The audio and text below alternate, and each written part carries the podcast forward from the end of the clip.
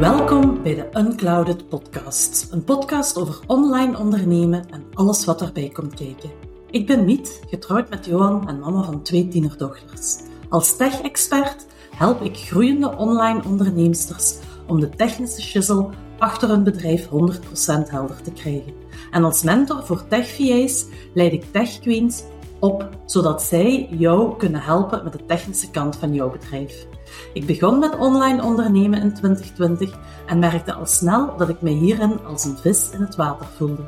In deze podcast vertel ik je alles over online ondernemen, de technische shizzle die daarbij komt kijken en neem ik je mee op weg naar een volledig geautomatiseerd bedrijf. Alright, let's go!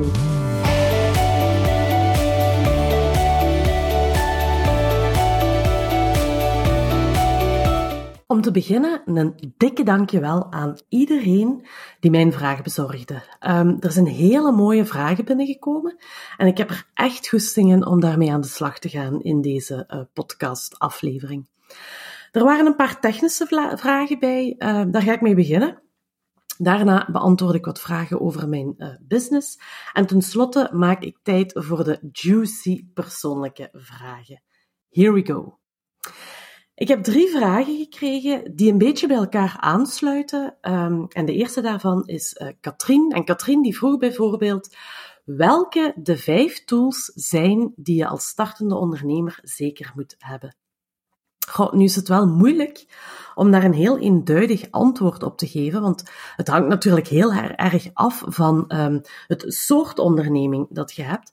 Maar er zijn toch wel een aantal tools waar je heel veel verschillende ondernemers uh, mee zou kunnen helpen. En die je ook niet vroeg genoeg kunt beginnen gebruiken. Want dat is misschien ook al meteen een uh, eerste tip die ik aan starters wil meegeven. Wacht niet te lang met de juiste tools te gaan gebruiken. En als je start, doe het dan ook meteen goed. Ik zie heel vaak startende ondernemers grijpen naar een uh, heel goedkoop of gratis tooltje. Um, met het idee dat ze dan wel zullen overstappen op iets beters als de tijd daar rijp voor is. En dat klinkt op zich als een logische stap, maar dat is het niet altijd. Want overstappen um, van, de een, van de ene tool naar de andere is vaak een heel tijdrovend en een heel vervelend werkje. Um, waarbij je ten eerste al al je gegevens moet exporteren uit de ene tool en importeren in een nieuwe tool. Je komt er dan achter dat sommige dingen niet geëxporteerd kunnen worden. Die moet je dan soms met de hand gaan copy-pasten. Je moet al je instellingen weer gaan doorlopen. Um, die nieuwe tool leren kennen, etc. Enfin, you get my point. Dat is soms echt lastig. Um, en dat is ook heel vaak een werkje wat uh, lang blijft liggen en wat heel vaak voor je uitgeschoven wordt um, en er niet van komt. En dan blijf je met die um, minder goede tool zitten. Maar over naar de vijf tools die je als startende ondernemer zou moeten hebben. Um, ten eerste zou ik zeggen, alsjeblieft, neem u een goede facturatietool oh boy, hoeveel ondernemers zie ik nog hun facturen maken in Word of Excel of Canva of weet ik veel welk programma. En zelfs als je weinig facturen maakt, dan zet je zo nog ontzettend veel tijd kwijt met het maken van je facturen in een tool die daar eigenlijk niet voor dient. Um, en je kunt met een eenvoudige tool als factuur sturen al zoveel tijd winnen, je maakt bovendien veel minder fouten met je berekeningen, want die gebeuren automatisch. En met je factuurnummers, want je facturen worden ook automatisch genummerd. Dus dat is wat mij betreft echt stap 1 voor alle ondernemers die facturen moeten maken. Ten tweede, als je ook je diensten online wilt gaan verkopen, en met diensten bedoel ik uw online programma's, uh, coaching sessies, webinars, e-books en zo verder, uw expertise gaan verkopen eigenlijk, dan heb je echt een goede checkout tool nodig. Hè? Een tool waarin de klant uh, de gegevens kan invoeren um, en de betaling kan in orde maken. Hè? En trap daar niet in de val van de webshops tool, uh, webshop tools om uw diensten te gaan verkopen, want dat is echt niet handig. Dat is niet handig voor u, dat is niet handig voor uw klant. Um, Aflevering 15, de vorige aflevering van de Unclouded podcast, die gaat eigenlijk volledig over het verkopen van online producten en diensten. Dus check die ook eens zeker even als je daar eh, meer over wilt weten. Ik zal er naar linken in de show notes. Ten derde, misschien niet voor iedereen bruikbaar, maar als je werkt met afspraken in je bedrijf, en of dat nu gratis kennismakings- en uh, intakegesprekken zijn, of dat zijn betaalde afspraken, en of die afspraken nu on- of offline plaatsvinden, van het moment dat je systematisch afspraken gaat vastleggen met klanten, gun jezelf dan ook een online afsprakentool. En zoals bijvoorbeeld uh, Calendly. Je gaat echt het over en weer mailen om een afspraak vast te leggen en het eventueel, en eventueel die afspraak te annuleren of te verplaatsen, zo enorm beperken dat het echt zonde is om zo'n tool niet te gaan gebruiken. En bovendien beperkt jij met zo'n tool uh, het aantal no-shows, want er worden dan automatisch herinneringen uh, gestuurd. En ook niet onbelangrijk, je beperkt echt het inbreken in uh, uw agenda Um, van klanten die toch nog graag een afspraak zouden willen plannen. Ook al heb je eigenlijk echt geen tijd. Um, met zo'n afsprakentool staat dan zwart op wit wanneer dat er nog een plekje vrij is in jouw agenda en wanneer niet. En je hoeft veel minder te vechten tegen je pleasergedrag um, op zo'n moment. Een vierde tool die ik zeker zou aanraden is een e-mail marketing tool. En ik weet dat startende ondernemers vaak geen zin hebben om al meteen te beginnen met e-mail marketing. Maar volgens mij kunt je daar niet snel genoeg mee beginnen. Al is het maar om uw e-mailadressen meteen op de juiste plek te verzamelen, zodat je ze kunt gaan mailen op het moment dat je wel klaar bent voor uw e-mail marketing tool. En je kunt met zo'n e-mail marketing tool vaak ook nog veel meer dingen doen in je bedrijf wat automatisatie betreft. Bijvoorbeeld het sturen van geautomatiseerde bevestigingsmails na een aankoop, hè, om er iets te noemen. En als vijfde tool wil ik even een tool in de kijker zetten waar ik echt enorme fan van ben. En nog niet zo lang. Uh, ik ken de tool nog niet zo lang, maar ik denk dat het een tool is waar heel veel ondernemers iets aan, iets aan kunnen hebben. Ook startende ondernemers. Ik word hier trouwens niet gesponsord. Ik heb geen affiliate link voor die tool. Ik ben gewoon echt oprecht enthousiast. Wat ik ook ben over tools waar ik wel een affiliate link voor heb, maar dat uh, geheel terzijde. Maar ik heb het hier over Tally. Uh, Tally is een Belgische tool, wat ik al de max vind. Um, en een van de twee founders van Tally is een vrouw, wat ik nog meer de max vind. Maar het allermeest uh, de max vind ik Tally zelf. Tally is een formbuilder, gelijk Google Forms en uh, Typeform, dus een tool waar uh, jij formulieren mee kunt maken, invulformulieren. Maar beter. Beter omdat Tally veel meer mogelijkheden heeft, veel uitgebreider is dan Google Forms. Uh, het werkt fijner, het werkt gebruiksvriendelijker um, en het is bovendien gratis.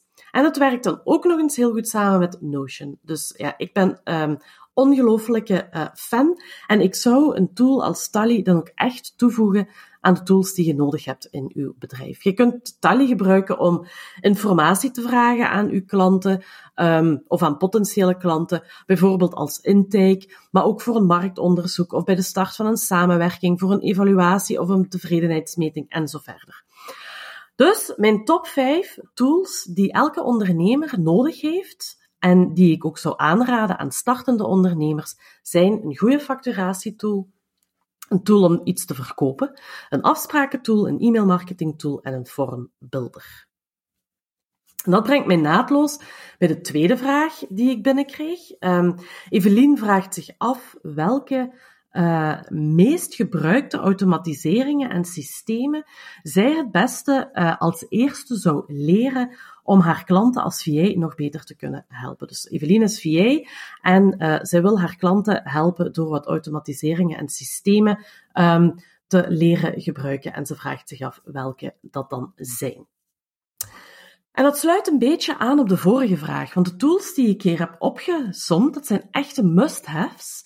En qua automatisering zou ik er dan ook voor opteren om die tools niet alleen te gaan gebruiken en in te zetten bij jouw klanten, um, maar ook om ze aan elkaar te koppelen en te laten samenwerken. Door er bijvoorbeeld voor te zorgen dat uh, afspraken die gemaakt worden in uw afsprakentool ook meteen betaald kunnen worden in uw betaalsysteem. Um, dat er ook meteen een Zoom-link of iets dergelijks uh, voor wordt aangemaakt als het online afspraken zijn. Um, dat klanten die iets kopen met uw betaalsysteem meteen ook worden toegevoegd aan uw e-mailmarketing tool. Um, dat wie in uw e-mailmarketing tool terechtkomt, ook meteen een welcome sequence krijgt. Dat is uh, een reeks mailtjes waarin jij jezelf en je aanbod voorstelt aan uw nieuwe subscribers.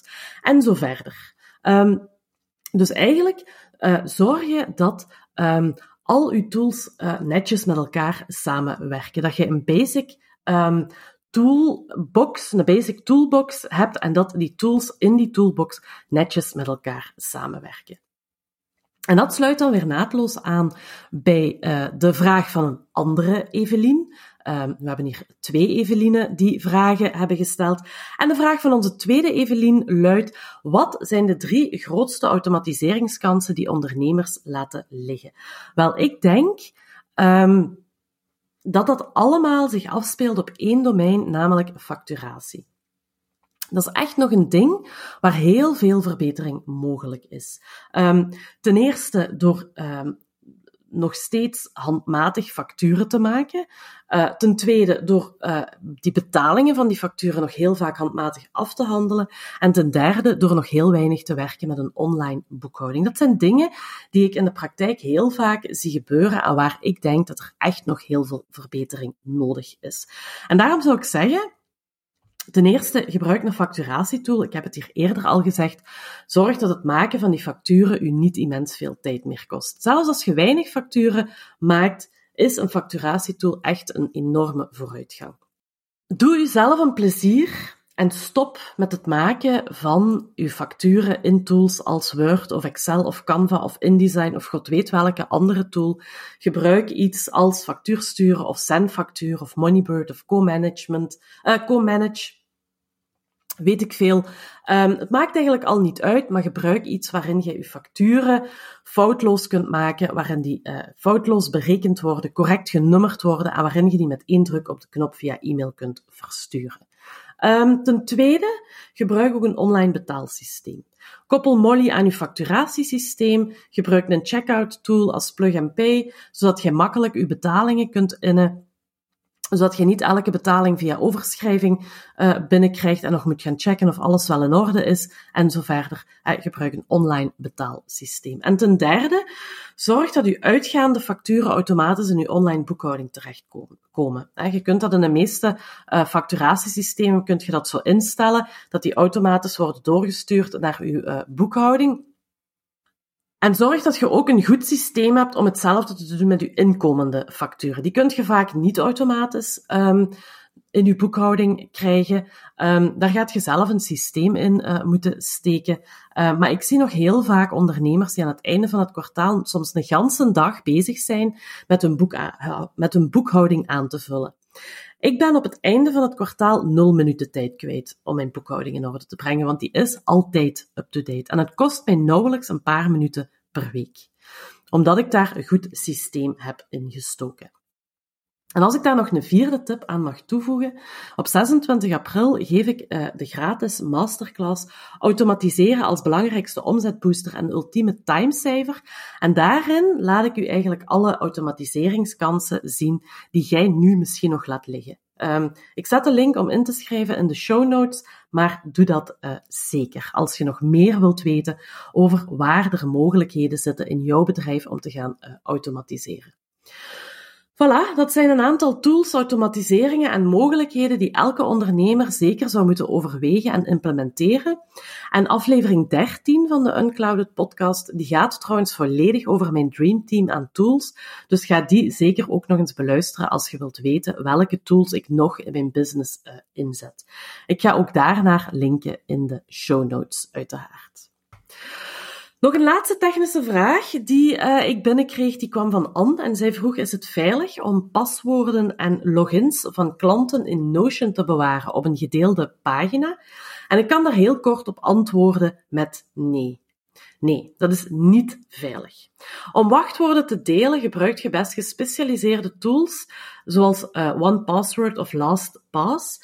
Um, die zijn veel veiliger omdat ze uw wachtwoorden versleuteld bewaren. Zelfs de tool zelf kan die wachtwoorden niet lezen of delen. Um, en je hebt voor zo'n tool één masterwachtwoord nodig. En zonder dat masterwachtwoord kan niemand aan jouw wachtwoorden. De eerste keer inloggen op een nieuw apparaat verloopt ook via een speciale procedure om het potentiële hackers bijzonder moeilijk te maken om uw wachtwoordkluisje te kraken. En de wachtwoorden uit zo'n tool delen, dat kunt je doen door een apart gedeeld kluisje te maken waarin je de wachtwoorden zet die je wilt delen. Maar ik zou, ik zou dat dus zeker niet doen in Notion. Voilà. Over naar de vragen over mijn business. En ik kreeg een hele leuke vraag binnen van Ineke, die vroeg, heb jij ook mannelijke klanten? En dat vond ik echt een hele goede vraag. Ik maak er namelijk geen geheim van dat mijn droomklant een vrouwelijke solo-ondernemer is. Wil dat zeggen dat mannen niet welkom zijn? Absoluut niet. Mannen zijn meer dan welkom. Ik zal zelfs meer zeggen. Ik heb voor mijn uh, opleiding voor tech VA's heel bewust voor een vrouwelijke naam gekozen, namelijk Tech Queens. Maar ik hoop stiekem dat er zich ooit een mannelijke Tech VA aanmeldt voor deze opleiding. Want als een man zich over die naam heen kan zetten, dan weet ik zeker dat hij de juiste mindset heeft. Want daar gaat het voor mij heel erg om. Ik heb heel sterk het gevoel dat er onder vrouwelijke ondernemers een heel andere ondernemersmindset heerst dan bij veel mannelijke ondernemers. En natuurlijk wil ik niet iedereen over dezelfde kam scheren, maar ik merk toch echt een heel duidelijk verschil.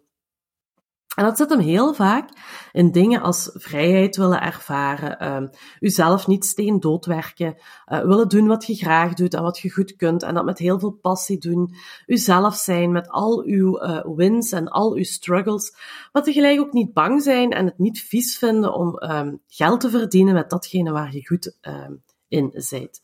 Ik leg het nu wat kort uit. Misschien moet ik er eens een hele aflevering aan wijden, want ik vind dat een heel fijn en interessant topic om over te uh, babbelen. Maar door de persoon die ik ben en de boodschap die ik uitdraag, en door de manier waarop ik in het uh, leven en het ondernemerschap sta, en de manier waarop ik, waarop ik praat over technische shizzle, trek ik bijna alleen maar vrouwelijke klanten aan. En dat is een hele bewuste keuze, maar mannen met dezelfde mindset zijn absoluut heel erg welkom. Maar om op uw vraag te antwoorden, Ineke, af en toe zie ik eens een mannelijke naam opduiken bij bestellingen van Notion templates bijvoorbeeld. Um, af en toe komt er ook eens uh, de partner van een klant, een Rent My Brain Call, bijwonen. En een tijdje geleden had ik ook echt een mannelijke klant die zelf een Rent My Brain call boekte. Maar dat was duidelijk niet echt een uh, match. Jammer, eigenlijk. Um, dus tot nu toe heb ik nog niet echt mannelijke klanten gehad. Maar ik denk dat mijn eerste mannelijke klant binnenkort een feit is. En het is er eentje die knal in mijn doelgroep zit. Dus daar ben ik wel heel erg blij mee. Um, een volgende vraag van uh, Sophie, die zich afvraagt hoe ik bepaal of ik in een traject of opleiding uh, instap en of ik momenteel nog opleidingen volg. Wel, of ik een opleiding volg of een traject, want het geldt uh, net zo goed voor bijvoorbeeld een individueel coaching traject, dat hangt af van drie heel belangrijke criteria. Ten eerste, wat heb ik op dit moment nodig en match dat met de opleiding die ik zou willen volgen? Inhoudelijk bedoel ik dan. Hè. Uh, het is niet omdat ik iets razend interessant vind en heel graag zou willen bijleren over een bepaald onderwerp, dat dat ook iets is wat ik nu nodig heb. Ik probeer echt heel goed na te gaan wat mij op dit moment het meeste zou verder helpen. En soms wil dat zeggen dat ik een bepaalde opleiding niet doe, hoe overtuigd ik ook ben van het onderwerp en de aanpak en alles, maar dat ik die dan wel in mijn achterhoofd hou voor op een later tijdstip.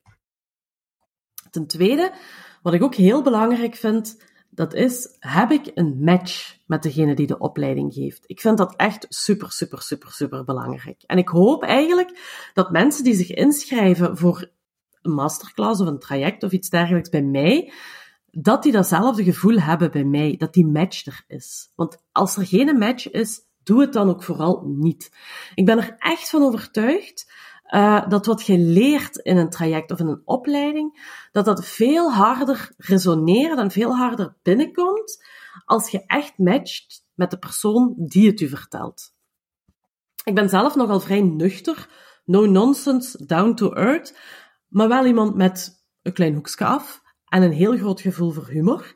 En als ik nu nood heb aan, ik zeg maar iets, een opleiding over marketing, hè, en ik heb de keuze tussen iemand die dat heel droog, heel zakelijk, heel sec uitlegt, iemand die nogal wishy-washy uit de hoek komt, en ik zeg dat met het allergrootste respect, hè, want ieder zijn uh, ding, en iemand die in het leven staat op de manier waarop ik zelf in het leven sta, dan is die keuze voor die laatste heel snel gemaakt. Ik zou waarschijnlijk ook niet veel bijleren bij die andere twee.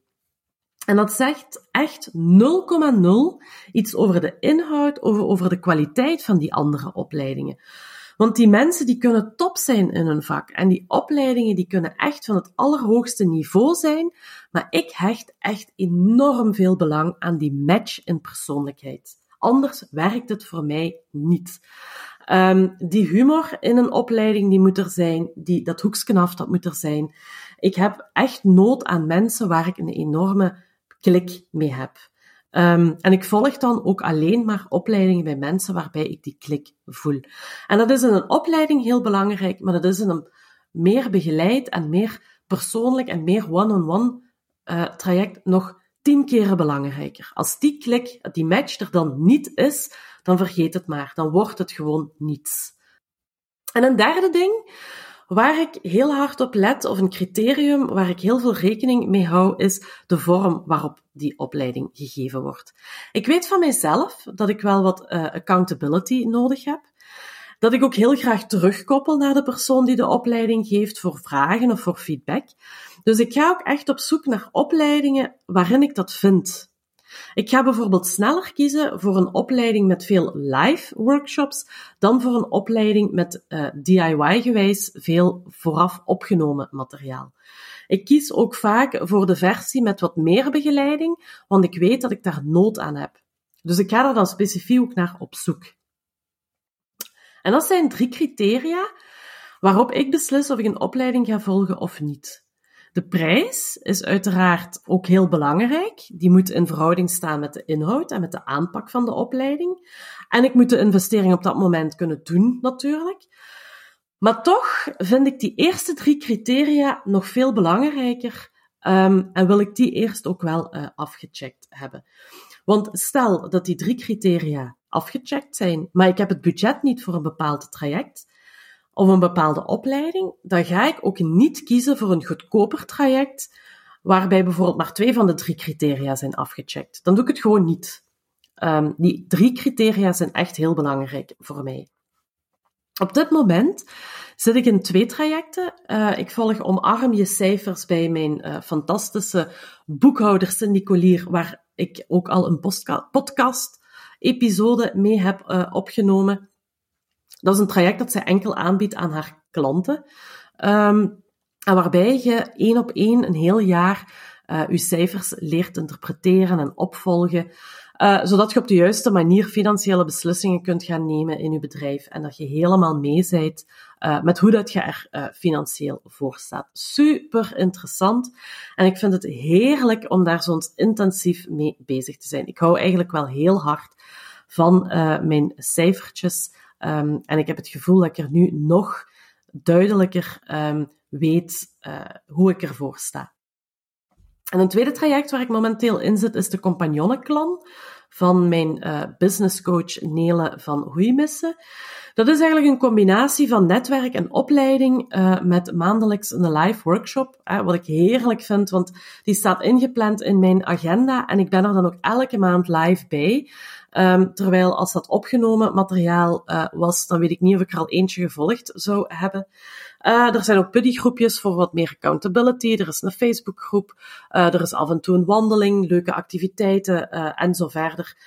heel leuk om deel van uit te maken en bij te leren. Um, nog een leuke vraag kwam van Maya. En Maya vroeg met wat jij nu weet, Wat zou je doen als je bijna afstudeert in het zesde middelbaar?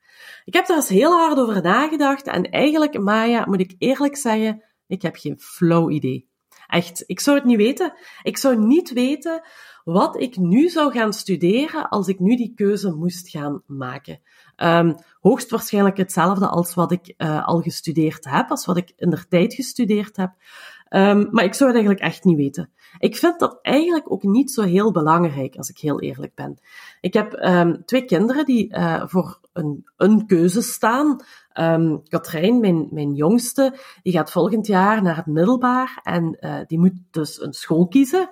En in die school moet ze ook een keuzevak kiezen. En dat keuzevak is totaal onbelangrijk, um, want buiten het feit dat uh, als je geen Latijn kiest, je ook nooit meer Latijn kunt doen, uh, sluit je met dat keuzevak totaal niks uit. Um, die eerste twee jaren die zijn uh, zo algemeen dat je daarna uh, letterlijk nog alle kanten uit kunt. Um, Lena, de oudste, die gaat volgend jaar naar het derde middelbaar. Dus die moet een studierichting kiezen die al ietsiepietsie bepalender is.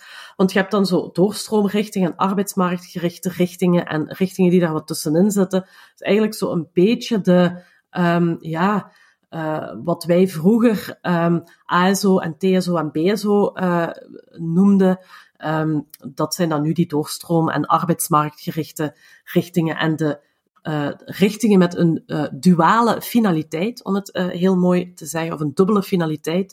Ik weet niet of ik het juist, of ik het helemaal juist uitspreek, maar daar komt het wat op neer. En haar interesse gaat vooral uit naar een aantal van die doorstroomrichtingen. En ook daar kun je eigenlijk nadien nog bijna alle kanten uit. Je sluit nauwelijks iets uit. Dus ik adviseer mijn kinderen vooral om iets te gaan doen wat zij leuk en interessant vinden. Ik vind dat super belangrijk. Um, en ik denk dat ik hun dat ook zou adviseren als ze in het, in het zesde middelbaar zitten. En als ze echt een verdere uh, studiekeuze aan een hogeschool of een universiteit of iets dergelijks moeten maken. Want ook al lijkt die keuze definitiever, uiteindelijk is het wel belangrijk dat je dat graag doet. Je moet wel elke dag die studierichting gaan doen. En als je dan iets niet interessant vindt, en je hebt het alleen maar gekozen omdat je er nu eenmaal goed in bent, of omdat je daarmee veel kansen hebt op de arbeidsmarkt, of omdat dat een goede uh, studiekeuze is, dan houd je dat toch niet vol. Dus, ik vind het vooral belangrijk dat je iets gaat doen wat u op dat moment als 18-jarige heel erg interesseert. En de rest, dat komt later wel. Um, want als je nadien nog iets helemaal anders wil doen, en als je dat echt, echt heel graag wilt, dan vind je uw weg wel. Hoeveel mensen zijn er wel niet die iets helemaal anders doen dan waarvoor ze gestudeerd hebben? Ik ken er heel veel, in elk geval. Ik ben er zelf min of meer uh, eentje. En ik snap dat als je uh, hersenchirurg of uh, F-16-piloot of mensenrechtenadvocaat wilt worden, dat je dan een redelijk specifieke opleiding nodig hebt. Maar heel veel mensen die zo'n job willen doen, die weten dat ook al heel jong heel goed. En er zijn zoveel jobs die je kunt doen waar je geen heel specifiek diploma voor nodig hebt. Um, dus ja, wat ik op mijn achttiende zou kiezen met alles wat ik nu weet, ik weet het echt niet. En dat doet mij trouwens denken aan uh, dat zinnetje uit het nummer Sunscreen van Bess uh, Lerman. Um, en dat gaat als volgt. The most interesting people I know didn't know at 22 what they wanted to do with their lives. Some of the most interesting 40-year-olds I know still don't. En ik ben een van die uh, eh, 40-year-olds. Ik weet wat ik nu leuk vind en ik weet wat ik nu wil doen. Maar ik heb geen idee of ik dat over vijf of tien jaar nog wil en of ik dat nog leuk vind. Maar dat zien we dan wel weer. Dus als je het op je 22ste of op je 40ste nog niet weet, hoe moet je het dan in godsnaam op je 18e al weten? En dat is een mooi bruggetje naar de vraag van Silke, die zich afvroeg wat ik voor, uh, voor Unclouded deed als werk. Ja, ook van alles eigenlijk. Um, ik ben afgestudeerd als graduaat toegepaste informatica, zo heette dat toen. Uh, ik denk dat dat nu een, prof profession een, professionele, een professionele bachelor is uh, of zoiets. En ik heb wel geteld vier maanden in een softwarebedrijf gewerkt als database-programmeur. Ik deed dat niet graag. Ik had mijn studies nogthans echt graag gedaan. Ik heb mij daar geweldig goed geamuseerd. En dan bedoel ik niet alleen de cafébezoekjes na de les. Ik deed mijn studie echt oprecht heel graag. Maar als job was dat gewoon niet mijn ding. En ik ben dan um, het onderwijs ingegaan. Really? What was I thinking op dat moment? Ik heb dat nogthans wel zes jaar volgehouden, maar dat was niet mijn ding. Ik heb het gewoon echt niet met een klas vol pubers die geen goesting hebben. Mijn allergrootste respect voor leerkrachten die dat de max vinden, maar ik vond het vreselijk. Ik heb het toch zes jaar volgehouden en toen ik er echt bijna aan onderdoor ging, ben ik loopbaanbegeleiding gaan volgen. En daar kwam uit dat ik heel graag lesgeef, maar dat ik het opvoedkundige aspect niet leuk vind. Allee, Dus ik ben op zoek gegaan naar een job waarin ik kon lesgeven aan mensen die het wel interesseerde wat ik te vertellen heb. En die heb ik gevonden bij een VZW, waar ik um, acht jaar lang computerles en tabletles en smartphoneles uh, heb gegeven aan senioren. Ik vond dat de max. Ik heb dat echt heel, heel graag gedaan. Maar na acht jaar had ik goesting in iets anders. En toen ben ik administratief werk gaan doen in de kunsteducatieve VZW van een vriendin van mij, die dringend wat hulp nodig had, omdat zij haar werk niet meer gedaan kreeg. Ik gaf daar ook wat uh, kunstkampjes aan kinderen. Dat was plezant, maar ook niet helemaal mijn ding. En het administratieve werk, daar had ik eerlijk gezegd niet genoeg uitdaging aan. Um, en na een jaar of uh, drie, denk ik, um, had ik goesting om het eens uh, op mijn eigen te proberen en om te kijken of het als zelfstandige, of ik het als zelfstandige zou redden. Um, ik ben dan begonnen met een uh, vaag plan om iets te doen met efficiënter uw werk gedaan krijgen. En dat was het eigenlijk zo wat uh, qua plan. En er is gaandeweg uitgekomen wat ik nu doe. Dus ik heb heel veel dingen gedaan, niet altijd met evenveel goesting. Maar ik heb wel heel veel geleerd. En wat ik nu doe, is een combinatie van alles wat ik de afgelopen 22 jaar heb geleerd over mijzelf. Wat ik graag doe en wat niet. Wat ik, waar ik goed in ben en wat niet. Uh, in welke werkomstandigheden ik het beste van mijzelf kan geven en wanneer niet. En ik ben er echt van overtuigd dat ik alleen maar de meet van unclouded kan zijn die ik nu ben, door alle ervaringen die ik heb opgedaan in al die vorige jobs. Die stap zetten naar zelfstandige was dus de beste beslissing ever, maar ik heb ook absoluut geen spijt van alle dingen die ik daarvoor gedaan heb. En dat brengt mij bij de volgende vraag. De meest kwetsbare vraag die er gesteld werd, en dat is uh, deze vraag van Sophie. Je komt zelf zeker over. Hoe gaat jij om met onzekerheden? Laat je u begeleiden? Daar heb ik toch ook even over moeten nadenken. Want ik ben best wel onzeker. En ik heb absoluut uh, mijn onzekerheden. Maar ik hoor ook wel vaker dat ik vrij zelfzeker overkom.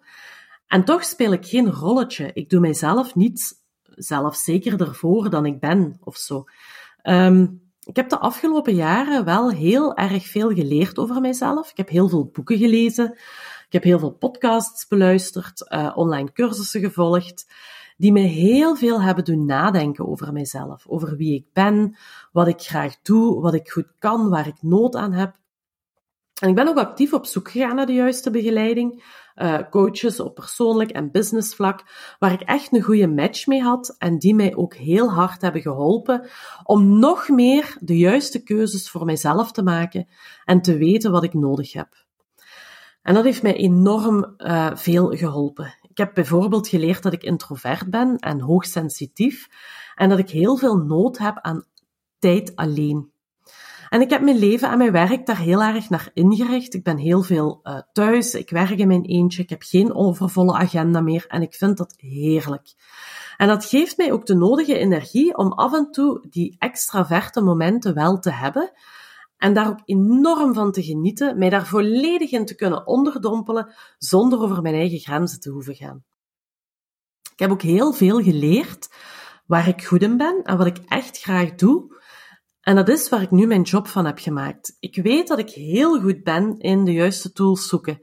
In helder uitleggen hoe die tools werken. In oplossingen bedenken voor complexe technische problemen. En het voelt een beetje awkward om dat zo uit te spreken, maar het is wel zo. En het feit dat ik mij daar echt bewust van geworden ben, dat helpt natuurlijk ook om dat te ownen en dat uit te stralen. Maar dat neemt niet weg dat ik nog steeds heel onzeker ben ook. Zelfs over die dingen waarvan ik heel goed van weet dat ik er goed in ben, zelfs daarover kan ik nog heel onzeker zijn. Um, dat verdomde imposter syndroom, dat dan weer als een duiveltje op mijn schouder komt zitten en heel hard in mijn oor komt roepen, je kunt het niet, Miet. En binnenkort komt iedereen daarachter en dan is het over en uit. Dat duiveltje moet ik heel regelmatig het zwijgen uh, opleggen. En er zijn een aantal dingen waarvan ik weet dat ze mij echt heel, heel hard hebben geholpen om zelfzekerder in het leven te staan. Um, mama worden bijvoorbeeld is daar één uh, ding van. Het is een gigantisch cliché dat kinderen krijgen u heel kwetsbaar maakt. dat is ook absoluut zo. Maar op een of andere manier heeft het mij ook veel zekerder gemaakt uh, van wie ik ben. Um, toneelspelen, dat is ook iets wat mij heel erg heeft geholpen. Ik heb tien jaar toneel gespeeld en uh, zo op uw kwetsbaarst op een podium gaan staan. Iedereen die naar u kijkt. Um, en dan de mensen aan het lachen krijgen en achteraf te horen krijgen dat het echt heel goed was, dat doet iets met de mens en met uw onzekerheden. Um, mijn job doen heeft mij de afgelopen drie jaar ook veel zelfzekerder gemaakt. Um, tevreden klanten die laaiend enthousiast zijn, die zijn het beste bewijs van waar dat jij toe in staat bent. En weet je wat ook helpt? Gewoon ouder worden. Deze 42-jarige heeft al zoveel meer meegemaakt en zoveel meer kilometers op de teller dan die 22-jarige pas afgestudeerde informatica-student die ik ooit was. Dus ja, ik kom misschien zelfzeker over en ik ben zeker een pak zelfzekerder dan ik pakweg 20 jaar geleden was. Maar ik heb ook nog heel veel onzekerheden waar ik elke dag tegen moet vechten. En dan wil ik nog afsluiten met een laatste vraag van Anne, die vraagt: Struggle jij ook soms met de balans privé-werk? Dat is zo moeilijk voor mij als thuiswerkende ondernemer. Oh, Anne, het zal wel zijn. Wie struggelt niet met die balans? Uh, als er hier iemand luistert die daar niet mee struggelt, gelieve eventjes contact met mij op te nemen en mij uw geheim te vertellen. Want ik bedoel, allez, ik denk dat elke volwassen mens, elke ondernemer, iedereen die thuiswerkt, elke vrouw en dan zeker elke vrouwelijke thuiswerkende ondernemer struggelt met die balans. Het is echt niet gemakkelijk. En ik wil hier heel graag mijn verhaal delen over hoe dat ik daarmee omga ter inspiratie of whatever. Maar daar hoort ook wel een hele duidelijke disclaimer bij. Mijn kinderen zijn 12 en bijna 14 jaar oud. Dat is iets helemaal anders dan kinderen van 5. En dat is ook helemaal iets anders dan kinderen van 18. Elke leeftijd heeft zijn of haar aparte uh, struggles. En ik heb een partner, en dat is ook iets helemaal anders dan als je alleen, alleenstaand bent. Dus het zou goed kunnen dat je nu luistert naar deze podcast en denkt, maar Miet, jij hebt wel gemakkelijk praten, hè. Zo makkelijk is dat bij mij niet als alleenstaande mama met twee kleuters. Ik snap dat. En ik kan alleen maar vertellen hoe het voor mij is en hopen dat jij op uw manier en in uw situatie ook een oplossing vindt die voor u werkt. Ik heb een partner en ik heb een extreem gelijkwaardige relatie. Niet alleen wat uh, huishoudelijke en opvoedkundige verdeling van de taken betreft, maar ook wat mekaar iets gunnen betreft. Als ik een weekend weg wil met mijn vriendinnen, dan ga ik een weekend weg met mijn vriendinnen. Dat is nooit een issue. Maar dat is niet altijd zo geweest en zeker niet wat dat huishouden betreft. We komen van best wel ver. Mijn man die vindt, en die heeft nogthans altijd gevonden, dat je alles netjes hoort te verdelen.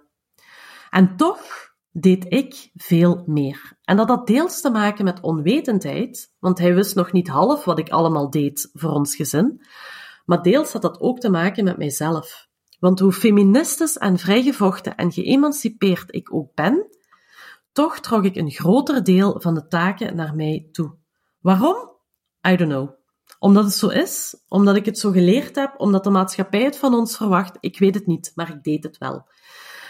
Maar door daarover in gesprek te gaan, met mijn man en uit te spreken wat ik uh, allemaal op mij nam, zijn we tot een veel betere verdeling van het werk gekomen.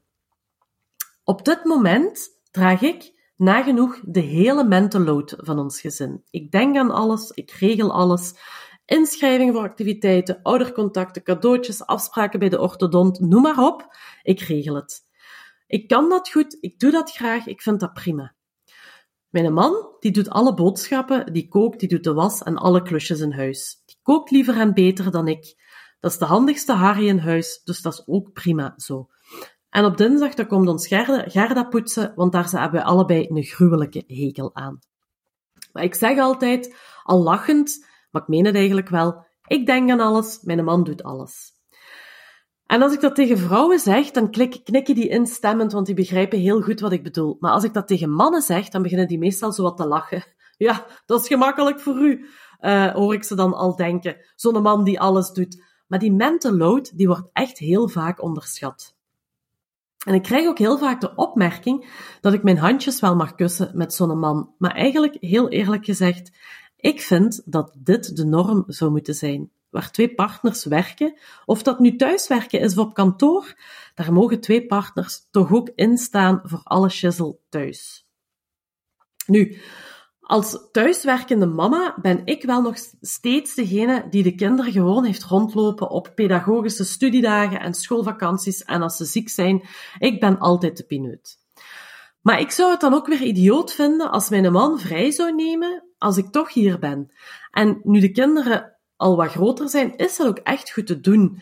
Als die nog kleiner waren, dan zou ik ook dat veel beter gaan verdelen.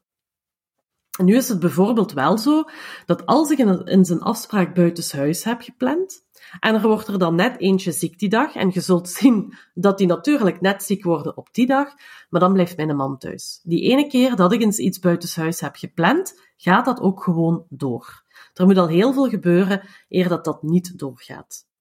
En ik moet natuurlijk voor mijzelf de balans ook blijven bewaken. Ik zou gerust van acht uur s morgens tot acht uur s avonds achter mijn computer kunnen gaan zitten. Maar dat kan ik ook geen weken volhouden. Dus ik moet afspraken maken met mijzelf om die balans te bewaren. Um, ik vind sporten en buiten zijn heel belangrijk. Ik merk dat mij dat heel goed doet. Ik merk dat um, dat ook niet goed voor mij is als dat sneuvelt. Dus ik probeer een keer of twee, drie per week s'morgens te gaan sporten voor ik begin te werken. Dan is dat al vast gedaan. Ik probeer ook dagelijks tijdens de middag even een half uur gaan wandelen. Ben ik ook al even buiten geweest. En ik probeer elke avond een moment te vinden om wat te lezen of om een fijne serie te kijken, zodat ik ook ontspannen mijn bed in kan kruipen. En ik probeer in het weekend niet te werken. En dat zeg ik terwijl ik het script voor deze podcast op zondagnamiddag geschreven heb. Dus je ziet dat dat ook niet altijd werkt. Hè? Let goed op die ik probeers. Want het lukt mij ook niet altijd om en drie keer per week te gaan sporten, en elke middag te gaan wandelen, en elke avond op tijd te stoppen om te lezen of wat tv te kijken, en elk weekend niet te werken. Maar ik let er wel op dat die dingen, die afspraken met mijzelf, dat die eerder regel dan uitzondering worden. En dat ik in 80% van de gevallen er wel in slaag om het zo te doen. En dan is dat oké. Maar die struggle, die is er en die zal er altijd zijn. Het is alleen maar, um, ja, maak afspraken met uzelf en probeer u daar in 80% van de gevallen in te houden en ga het gesprek aan met uw partner, met uw gezinsleden. Je hoeft niet alles alleen te doen. Voilà. Dat waren ze. Alle vragen die de afgelopen weken zijn binnengekomen voor deze episode. Een dikke, dikke, dikke dank u wel aan iedereen die een vraag stelde. Ik vond het heel fijn om daar eens mee aan de slag te gaan. Sommige vragen hebben mij inspiratie uh, bezorgd voor volgende aflevering van de Unclouded podcast. Dus uh, daar zijn onderwerpen waar ik zeker nog op ga terugkomen. Ik ga nu even een podcastpauze inlassen. Ik kom terug. Wanneer dat is, dat weet ik nog niet, maar je gaat dat wel horen. En ik wil ook nog even vermelden um, dat er dus op 26 april de gratis masterclass Automatiseren als belangrijkste omzetbooster en ultieme timesaver is en dat je daarvoor kunt inschrijven via de link in de show notes Hopelijk zie ik jou daar.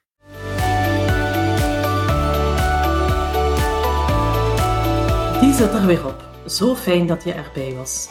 Luister je graag naar deze podcast? Abonneer je dan, deel hem op de socials en tag mij, zodat anderen de weg naar deze podcast makkelijker vinden. De Unclouded podcast is ook te vinden op Checkpot, het platform om nieuwe podcasts te ontdekken. Laat gerust eens een review achter over deze podcast, dan help je anderen om de podcast sneller te vinden en krijg je zelf suggesties voor andere podcasts zoals deze. Dikke merci en tot volgende keer. Bye.